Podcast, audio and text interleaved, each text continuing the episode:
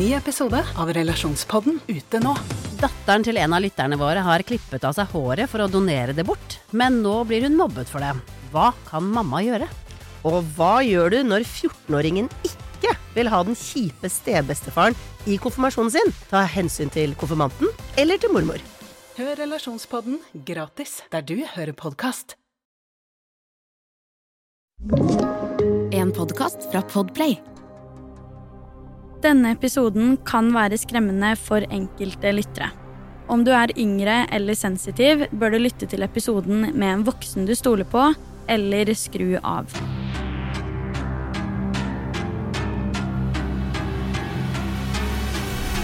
Hei og velkommen til en helt ny episode av Forsyningsfredag.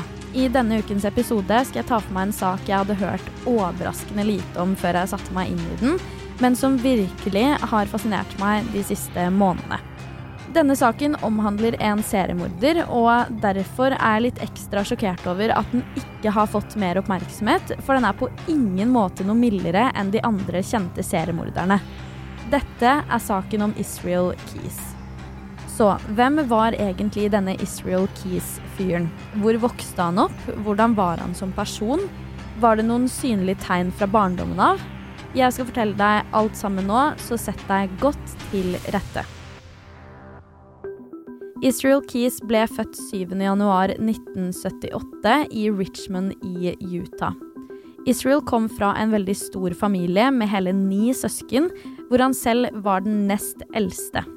Foreldrene hans het Heidi Keys og John Jeffrey Keys, født i henholdsvis 1954 og 1952. Heidi og John Jeffrey var ikke opprinnelig fra Utah. De hadde nemlig flytta helt fra Torrance i California for å bosette seg i Utah og virkelig slå seg til ro der. Alle barna ble også oppdratt i mormonsk tro, og ble faktisk satt på hjemmeskole for å kunne praktisere religionen sin fullt ut. Enkelte kilder forklarer at foreldrene til Israel Keys ikke hadde tro på verken offentlig skole, moderne medisin eller myndighetene generelt, så barna ble definitivt oppdratt deretter. Dette resulterte også i at alle de ti barna ble født hjemme i huset, og det ble heller aldri brukt noen form for medisinsk behandling. Dette skulle gjøres på den gamle måten, og uten noe som helst helsepersonell, ny teknologi eller forskning involvert. Israel og noen av søsknene sine levde da med denne troen frem til 1983, da familien velger å flytte til Colville i Washington. På dette tidspunktet var Israel kun fem år gammel, og nå flytta familien inn i et hus som i bunn og grunn kan kategoriseres som en hytte, egentlig. Huset var veldig avsidesliggende. Nærmeste nabo var langt utenfor synsvidde, og huset hadde verken innlagt vann eller strøm. Foreldrene til Israel ville virkelig ikke at barna deres skulle ha noen moderne fordeler i det hele tatt, så det gjorde også at de ble veldig isolert fra omverdenen rent sosialt sett. Mens familien bor her, virker det også som at de trer ut av mormonsk tro og heller ønsker å ta del i en lokal kirke ved navn Ark. I senere tid har Israel beskrevet denne kirken og troen som ble praktisert der, for et amish-lignende miljø, men dette var også en kirke som praktiserte en tro der hvite mennesker sto i fokus, og de ble sett på som høyest rangert i samfunnet over alle andre raser, som de kalte det. Det er også i løpet av denne perioden, da Kies-familien til stadighet går i denne Ark-kirken, at de også får seg et vennepar, eller en vennefamilie, nærmest. Dette var da nabofamilien til Chevi Cahoe, som senere ble dømt for trippeldrap i 1996. I ettertid har faktisk Israel selv fortalt at han i veldig ung alder utvikla en interesse for både våpen og jakt. Jeg kommer litt tilbake igjen til det senere, men kan det ha en sammenheng med miljøet han vokste opp i? Senere ble også Keys-familien del av en annen kirke som heter Christian Israel Covenant Church, som praktiserte britisk israelisme. I flere år blir noen av Kis-barna tvunget til å sove i et telt utenfor huset, fordi huset, eller hytta som de bodde i, hadde for lite plass i forhold til hvor mange de var. Som vi forstår ut fra at de ikke kunne bo i et hus stort nok til å romme hele familien, så hadde jo ikke Kis-familien akkurat god råd. For å overleve så måtte barna jakte sin egen mat, lage bål for å få varme, og også jobbe på lokale gårder for å kunne bidra til familiens økonomi. Israel hadde selvfølgelig også en hobby på siden, men den var kanskje litt annerledes enn veldig mange andre små barn sine interesser. Hans var nemlig å jakte på egentlig alt som hadde puls, og faktisk hadde han innrømmet for de andre barna i kirken at han en gang hadde flådd en hjort mens den fremdeles var i live. Dette resulterte naturligvis i at veldig mange som gikk i kirken, ikke ønsket å være i nærheten av Israel etter hvert, og en av jentene som var i kontakt med han, har i ettertid fortalt at væremåten hans gjorde henne helt ufattelig ukomfortabel. Da Israel var rundt ti år gammel, begynte han egentlig på sin kriminelle historikk. Det er på dette tidspunktet at han begynner å bryte seg inn hos folk, stjele pistoler og også bruke pistolene som han hadde stjålet. I denne perioden gjorde han visstnok ganske mye av dette her sammen med en venn, men etter at denne vennen hadde sett Israel skyte et dyr, så tok han 100% avstand fra Israel og alt som hadde med han å gjøre.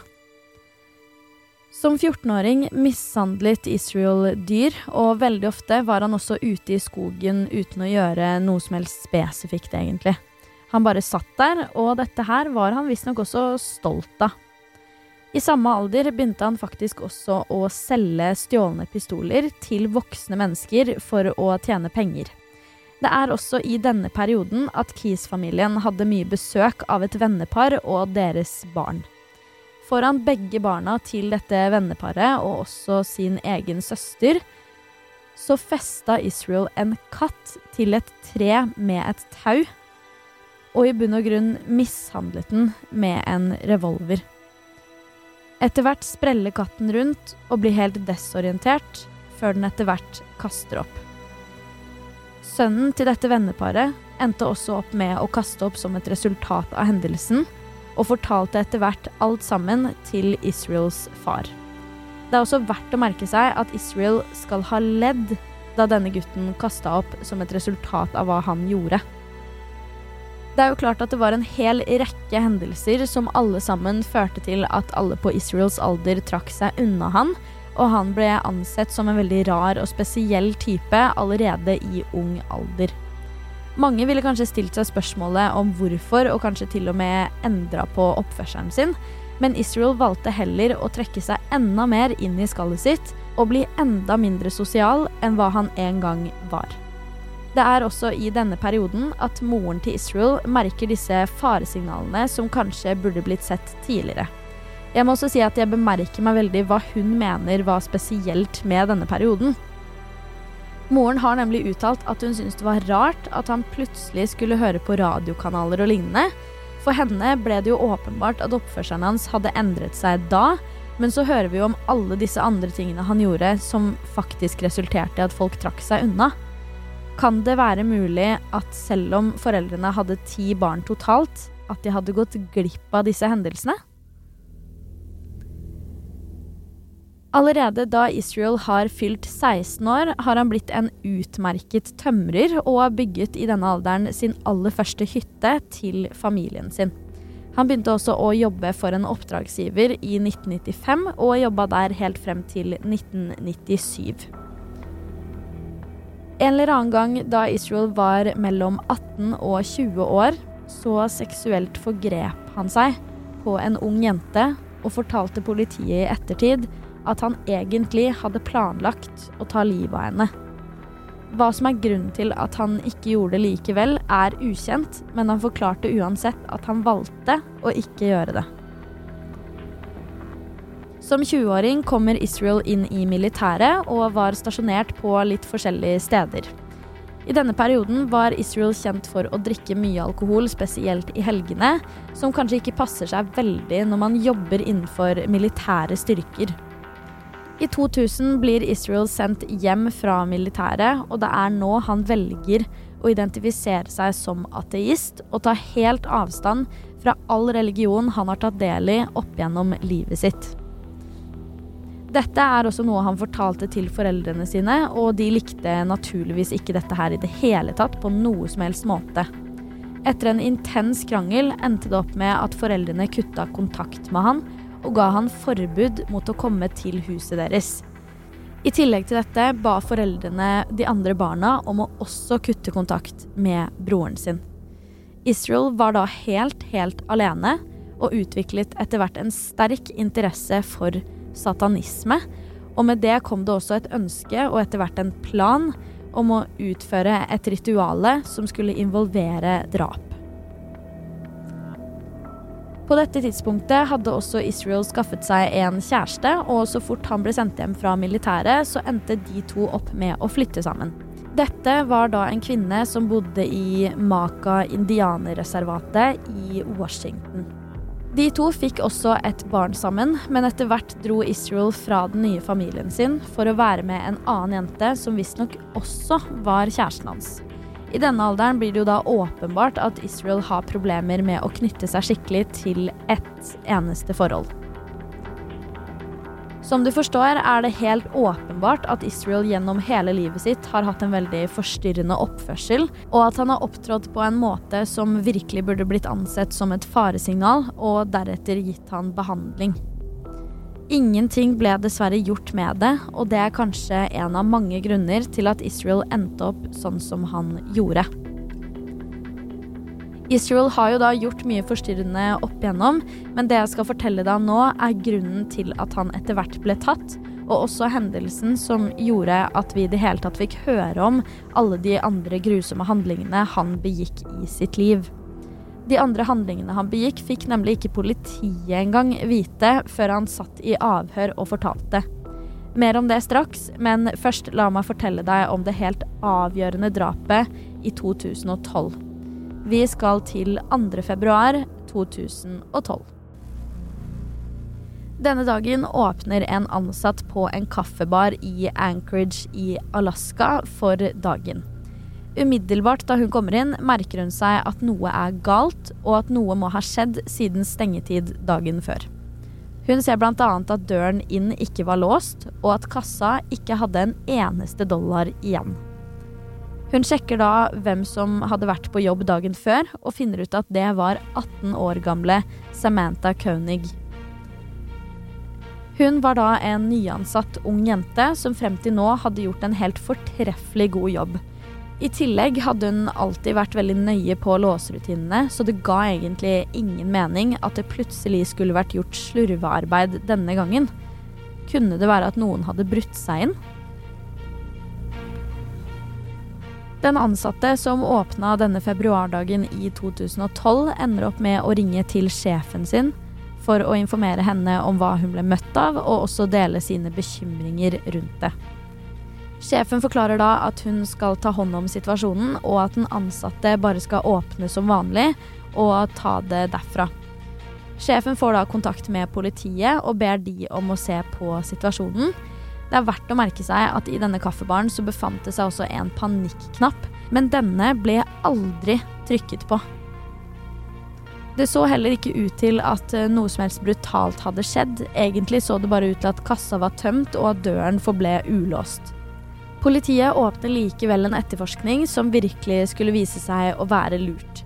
Det skal sies at etterforskningen umiddelbart ikke ble tatt på høyeste alvor, men som standard prosedyre avhørte de uansett familien til Samantha og også kjæresten hennes.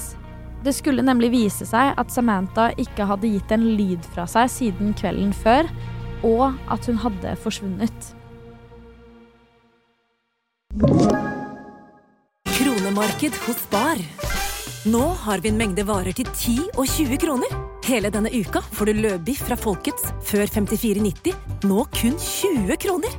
I tillegg får du et utvalgt Vasa knekkebrød, før fra 16,90, nå bare 10 kroner. Alltid tilbud på noe godt. Hilsen oss i Spar. I avhør med politiet forteller faren til Samantha at han ikke hadde snakket med henne siden hun var på jobb kvelden før. Samtalen gikk da ut på at hun lurte på om han kunne komme til jobben hennes med noe middag, ettersom at det kom til å bli litt sent. Han svarte visstnok nei, og dette var den siste samtalen han noensinne hadde med datteren sin. Han blir senere mistenkt i saken, for så å bli renvasket.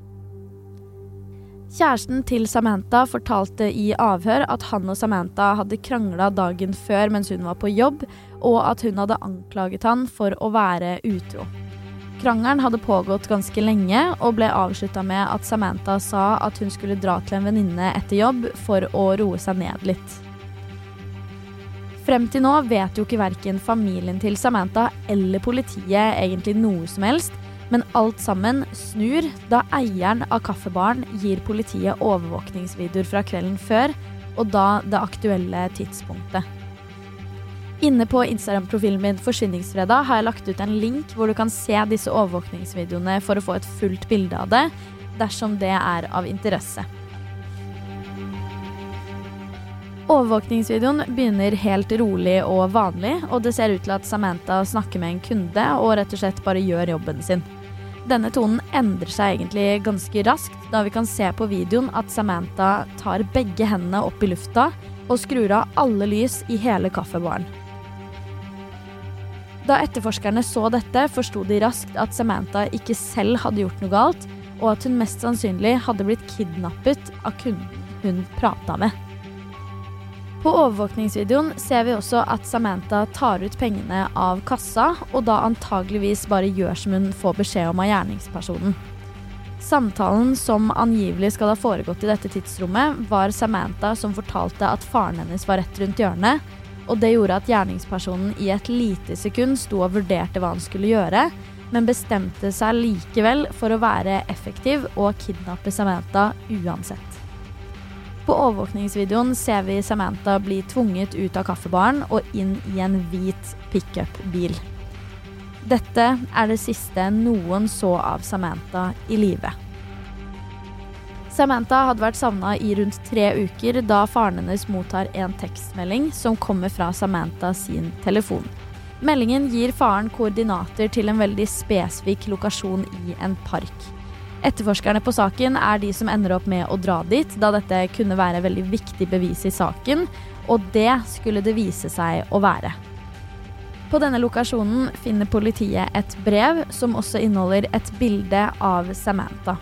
Dette var et bilde der man kunne se Samantha holde en avis, og brevet var rett og slett et brev med krav om løsepenger. Gjerningspersonen hadde nemlig fått tak i bankkortet til Samantha, og dermed beordret han faren hennes til å sette inn en stor pengesum på hennes konto. Om han gjorde det, skulle Samantha bli løslatt om seks måneder. Det politiet foreslår at faren gjør da, er å sette inn 5000 dollar på kontoen, som var langt ifra hva gjerningspersonen hadde krevd. Dette var rett og slett en taktikk politiet kjørte for å forhåpentligvis provosere gjerningspersonen nok til å ta kontakt igjen, rett og slett fordi bare delvis av kravet ble oppfylt, og gjerningspersonen selvfølgelig hadde økonomiske motiver. Fire timer etter at denne overføringen var blitt gjort, forsøkte noen å ta ut 600 dollar fra kortet til Samantha i en minibank i Anchorage. Etter dette går samme person fra minibank til minibank og tar ut maksimalt av hva han kan i løpet av et døgn fra dette kortet. Totalt landa dette på over 1000 dollar, som tilsvarer rundt 10 000 norske kroner i dagens kurs. Det tok noen dager før etterforskerne fikk overvåkningsbilder fra minibankene, men da de først kom, så fikk politiet i det minste forma seg et litt tydeligere bilde av hvem denne gjerningspersonen var, og også hvordan han så ut. Det kunne jo også være at personen som la igjen dette brevet om løsepenger, hadde sendt en annen person til å ta ut disse pengene, men politiet anså dette som svært usannsynlig, så de antok rett og slett at det måtte være samme person, og dermed blir utseendet til denne minibankmannen helt avgjørende. Ut ifra disse overvåkningsbildene ser politiet at dette er en atletisk bygd mann som antageligvis hadde militær bakgrunn fra marinen pga. en logo på en av hettegenserne som han brukte. 7.3.2012 får politiet en mystisk telefon. Frem til nå hadde de vært helt sikre på at mistenkte fremdeles befant seg i Anchorage i Alaska, men denne dagen fikk de beskjed om at han hadde forsøkt å ta ut penger fra en minibank i Arizona. Politiet forstår nå at den mistenkte har forlatt staten, men hvor er han på vei? En time senere blir det gjort enda et uttak, men denne gangen fra New Mexico. Litt senere ble enda en minibank tatt i bruk i samme stat, og denne gangen sjekker den mistenkte saldoen på kontoen, som da var litt i overkant av 3000 dollar, som tilsvarer rundt 30 000 norske kroner i dagens kurs. Politiet fikk etter hvert overvåkningsbilder av personen som tok ut disse pengene også, og det skulle vise seg å være samme person. I alle overvåkningsbildene blir det åpenbart at han virkelig ønsker å skjule identiteten sin, da han bruker solbriller, lue og av og til falskt skjegg for å ikke bli gjenkjent. Han prøver å skjule identiteten sin så mye at han noen ganger også bruker en finlandshette.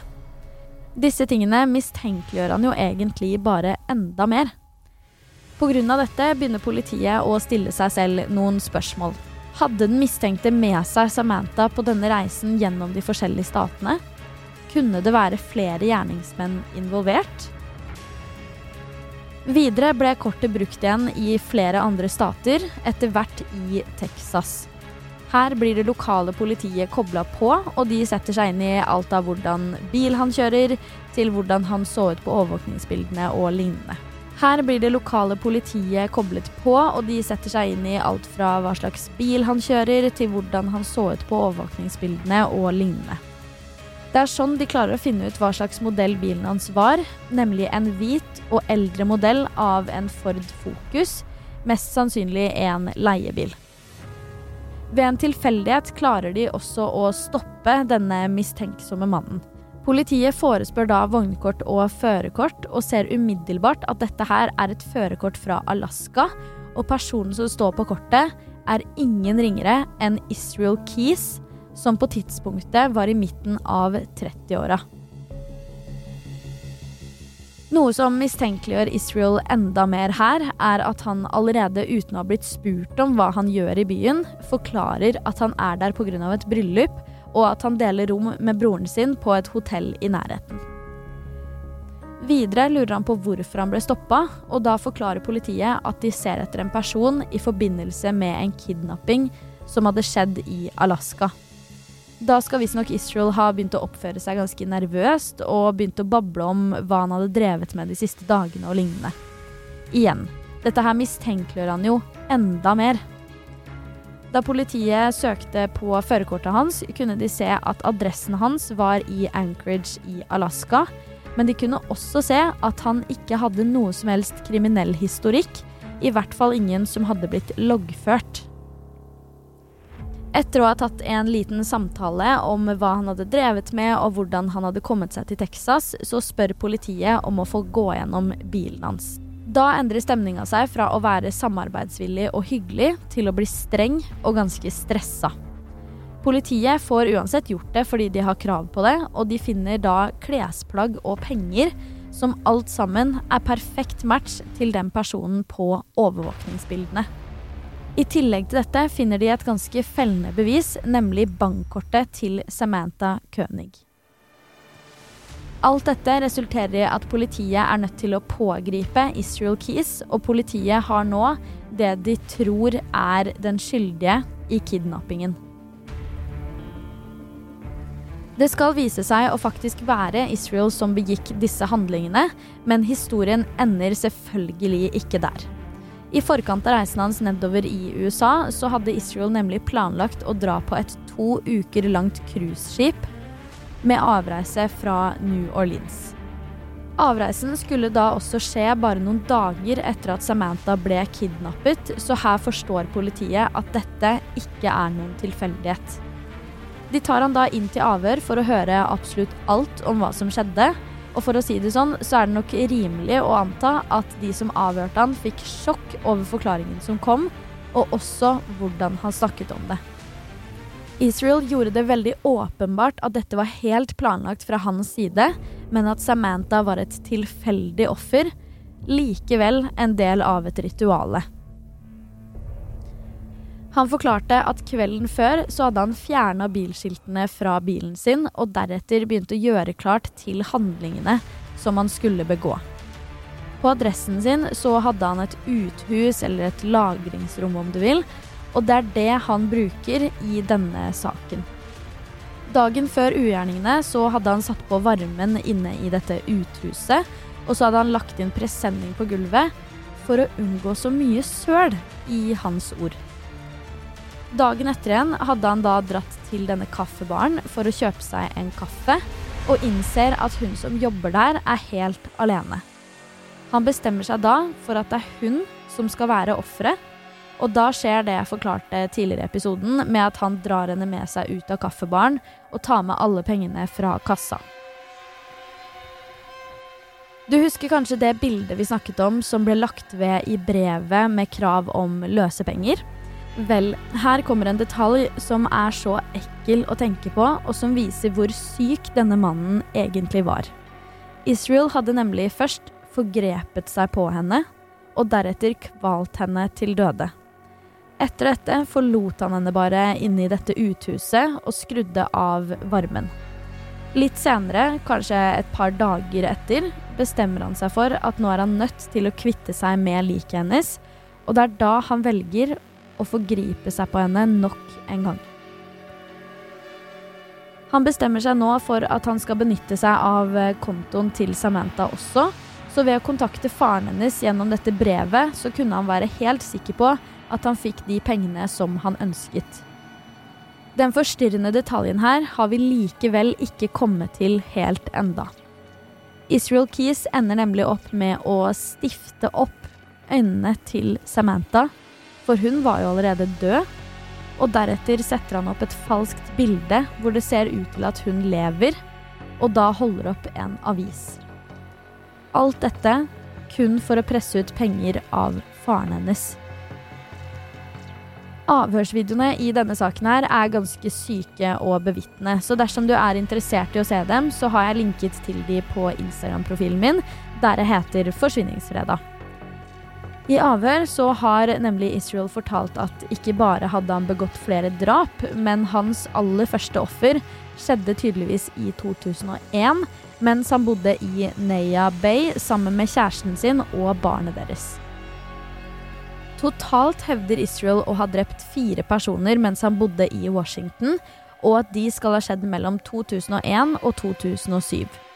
Flere av likene ble aldri funnet, og Israel ønsket visstnok også å ikke offentliggjøre ofrenes navn i sin tid, fordi han ikke ønsket at datteren hans skulle vokse opp med disse minnene om faren sin og all den negative oppmerksomheten det kunne medføre. Identiteten til datteren hans er til dags dato anonym, og det vil det nok være for alltid, med mindre hun selv ønsker å endre det. Totalt blir tre ofre bekreftet i kobling til Israel Keys i denne saken, selv om han hevdet at det var langt flere. Drapene hans var planlagt, og flere mener at han antageligvis hadde kommet unna med det lengre dersom han fortsatte med å ikke begå kriminelle handlinger i sin egen stat og by, for det var der fallet hans etter hvert kom. Israel Keys blir satt i varetekt i påvente om at rettssaken skal begynne, og datoen for dette ble satt til en gang i starten av mars 2013. Fordi han innrømmet hva han hadde gjort, eller i det minste deler av det, så ønsket Israel å få dødsstraff med garanti for at han ble henrettet i løpet av det første året.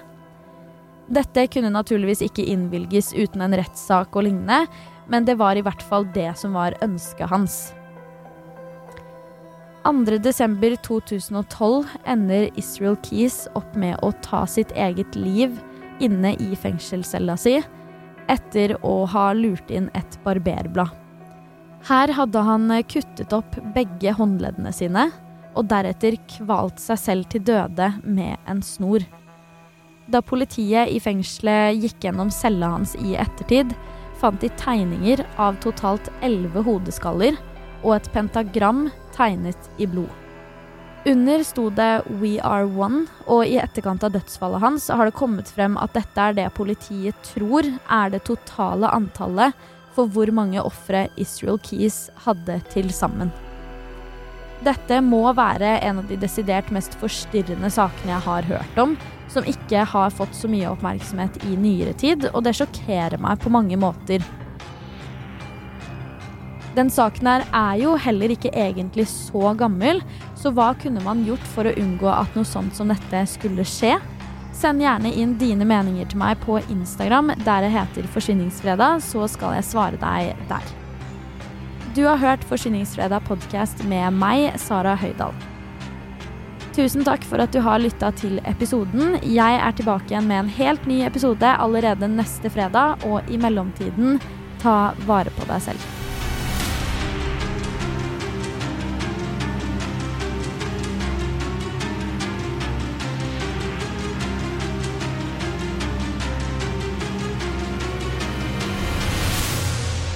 Du har hørt en podkast fra Podplay.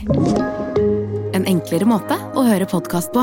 Last ned appen Podplay, eller se podplay.no.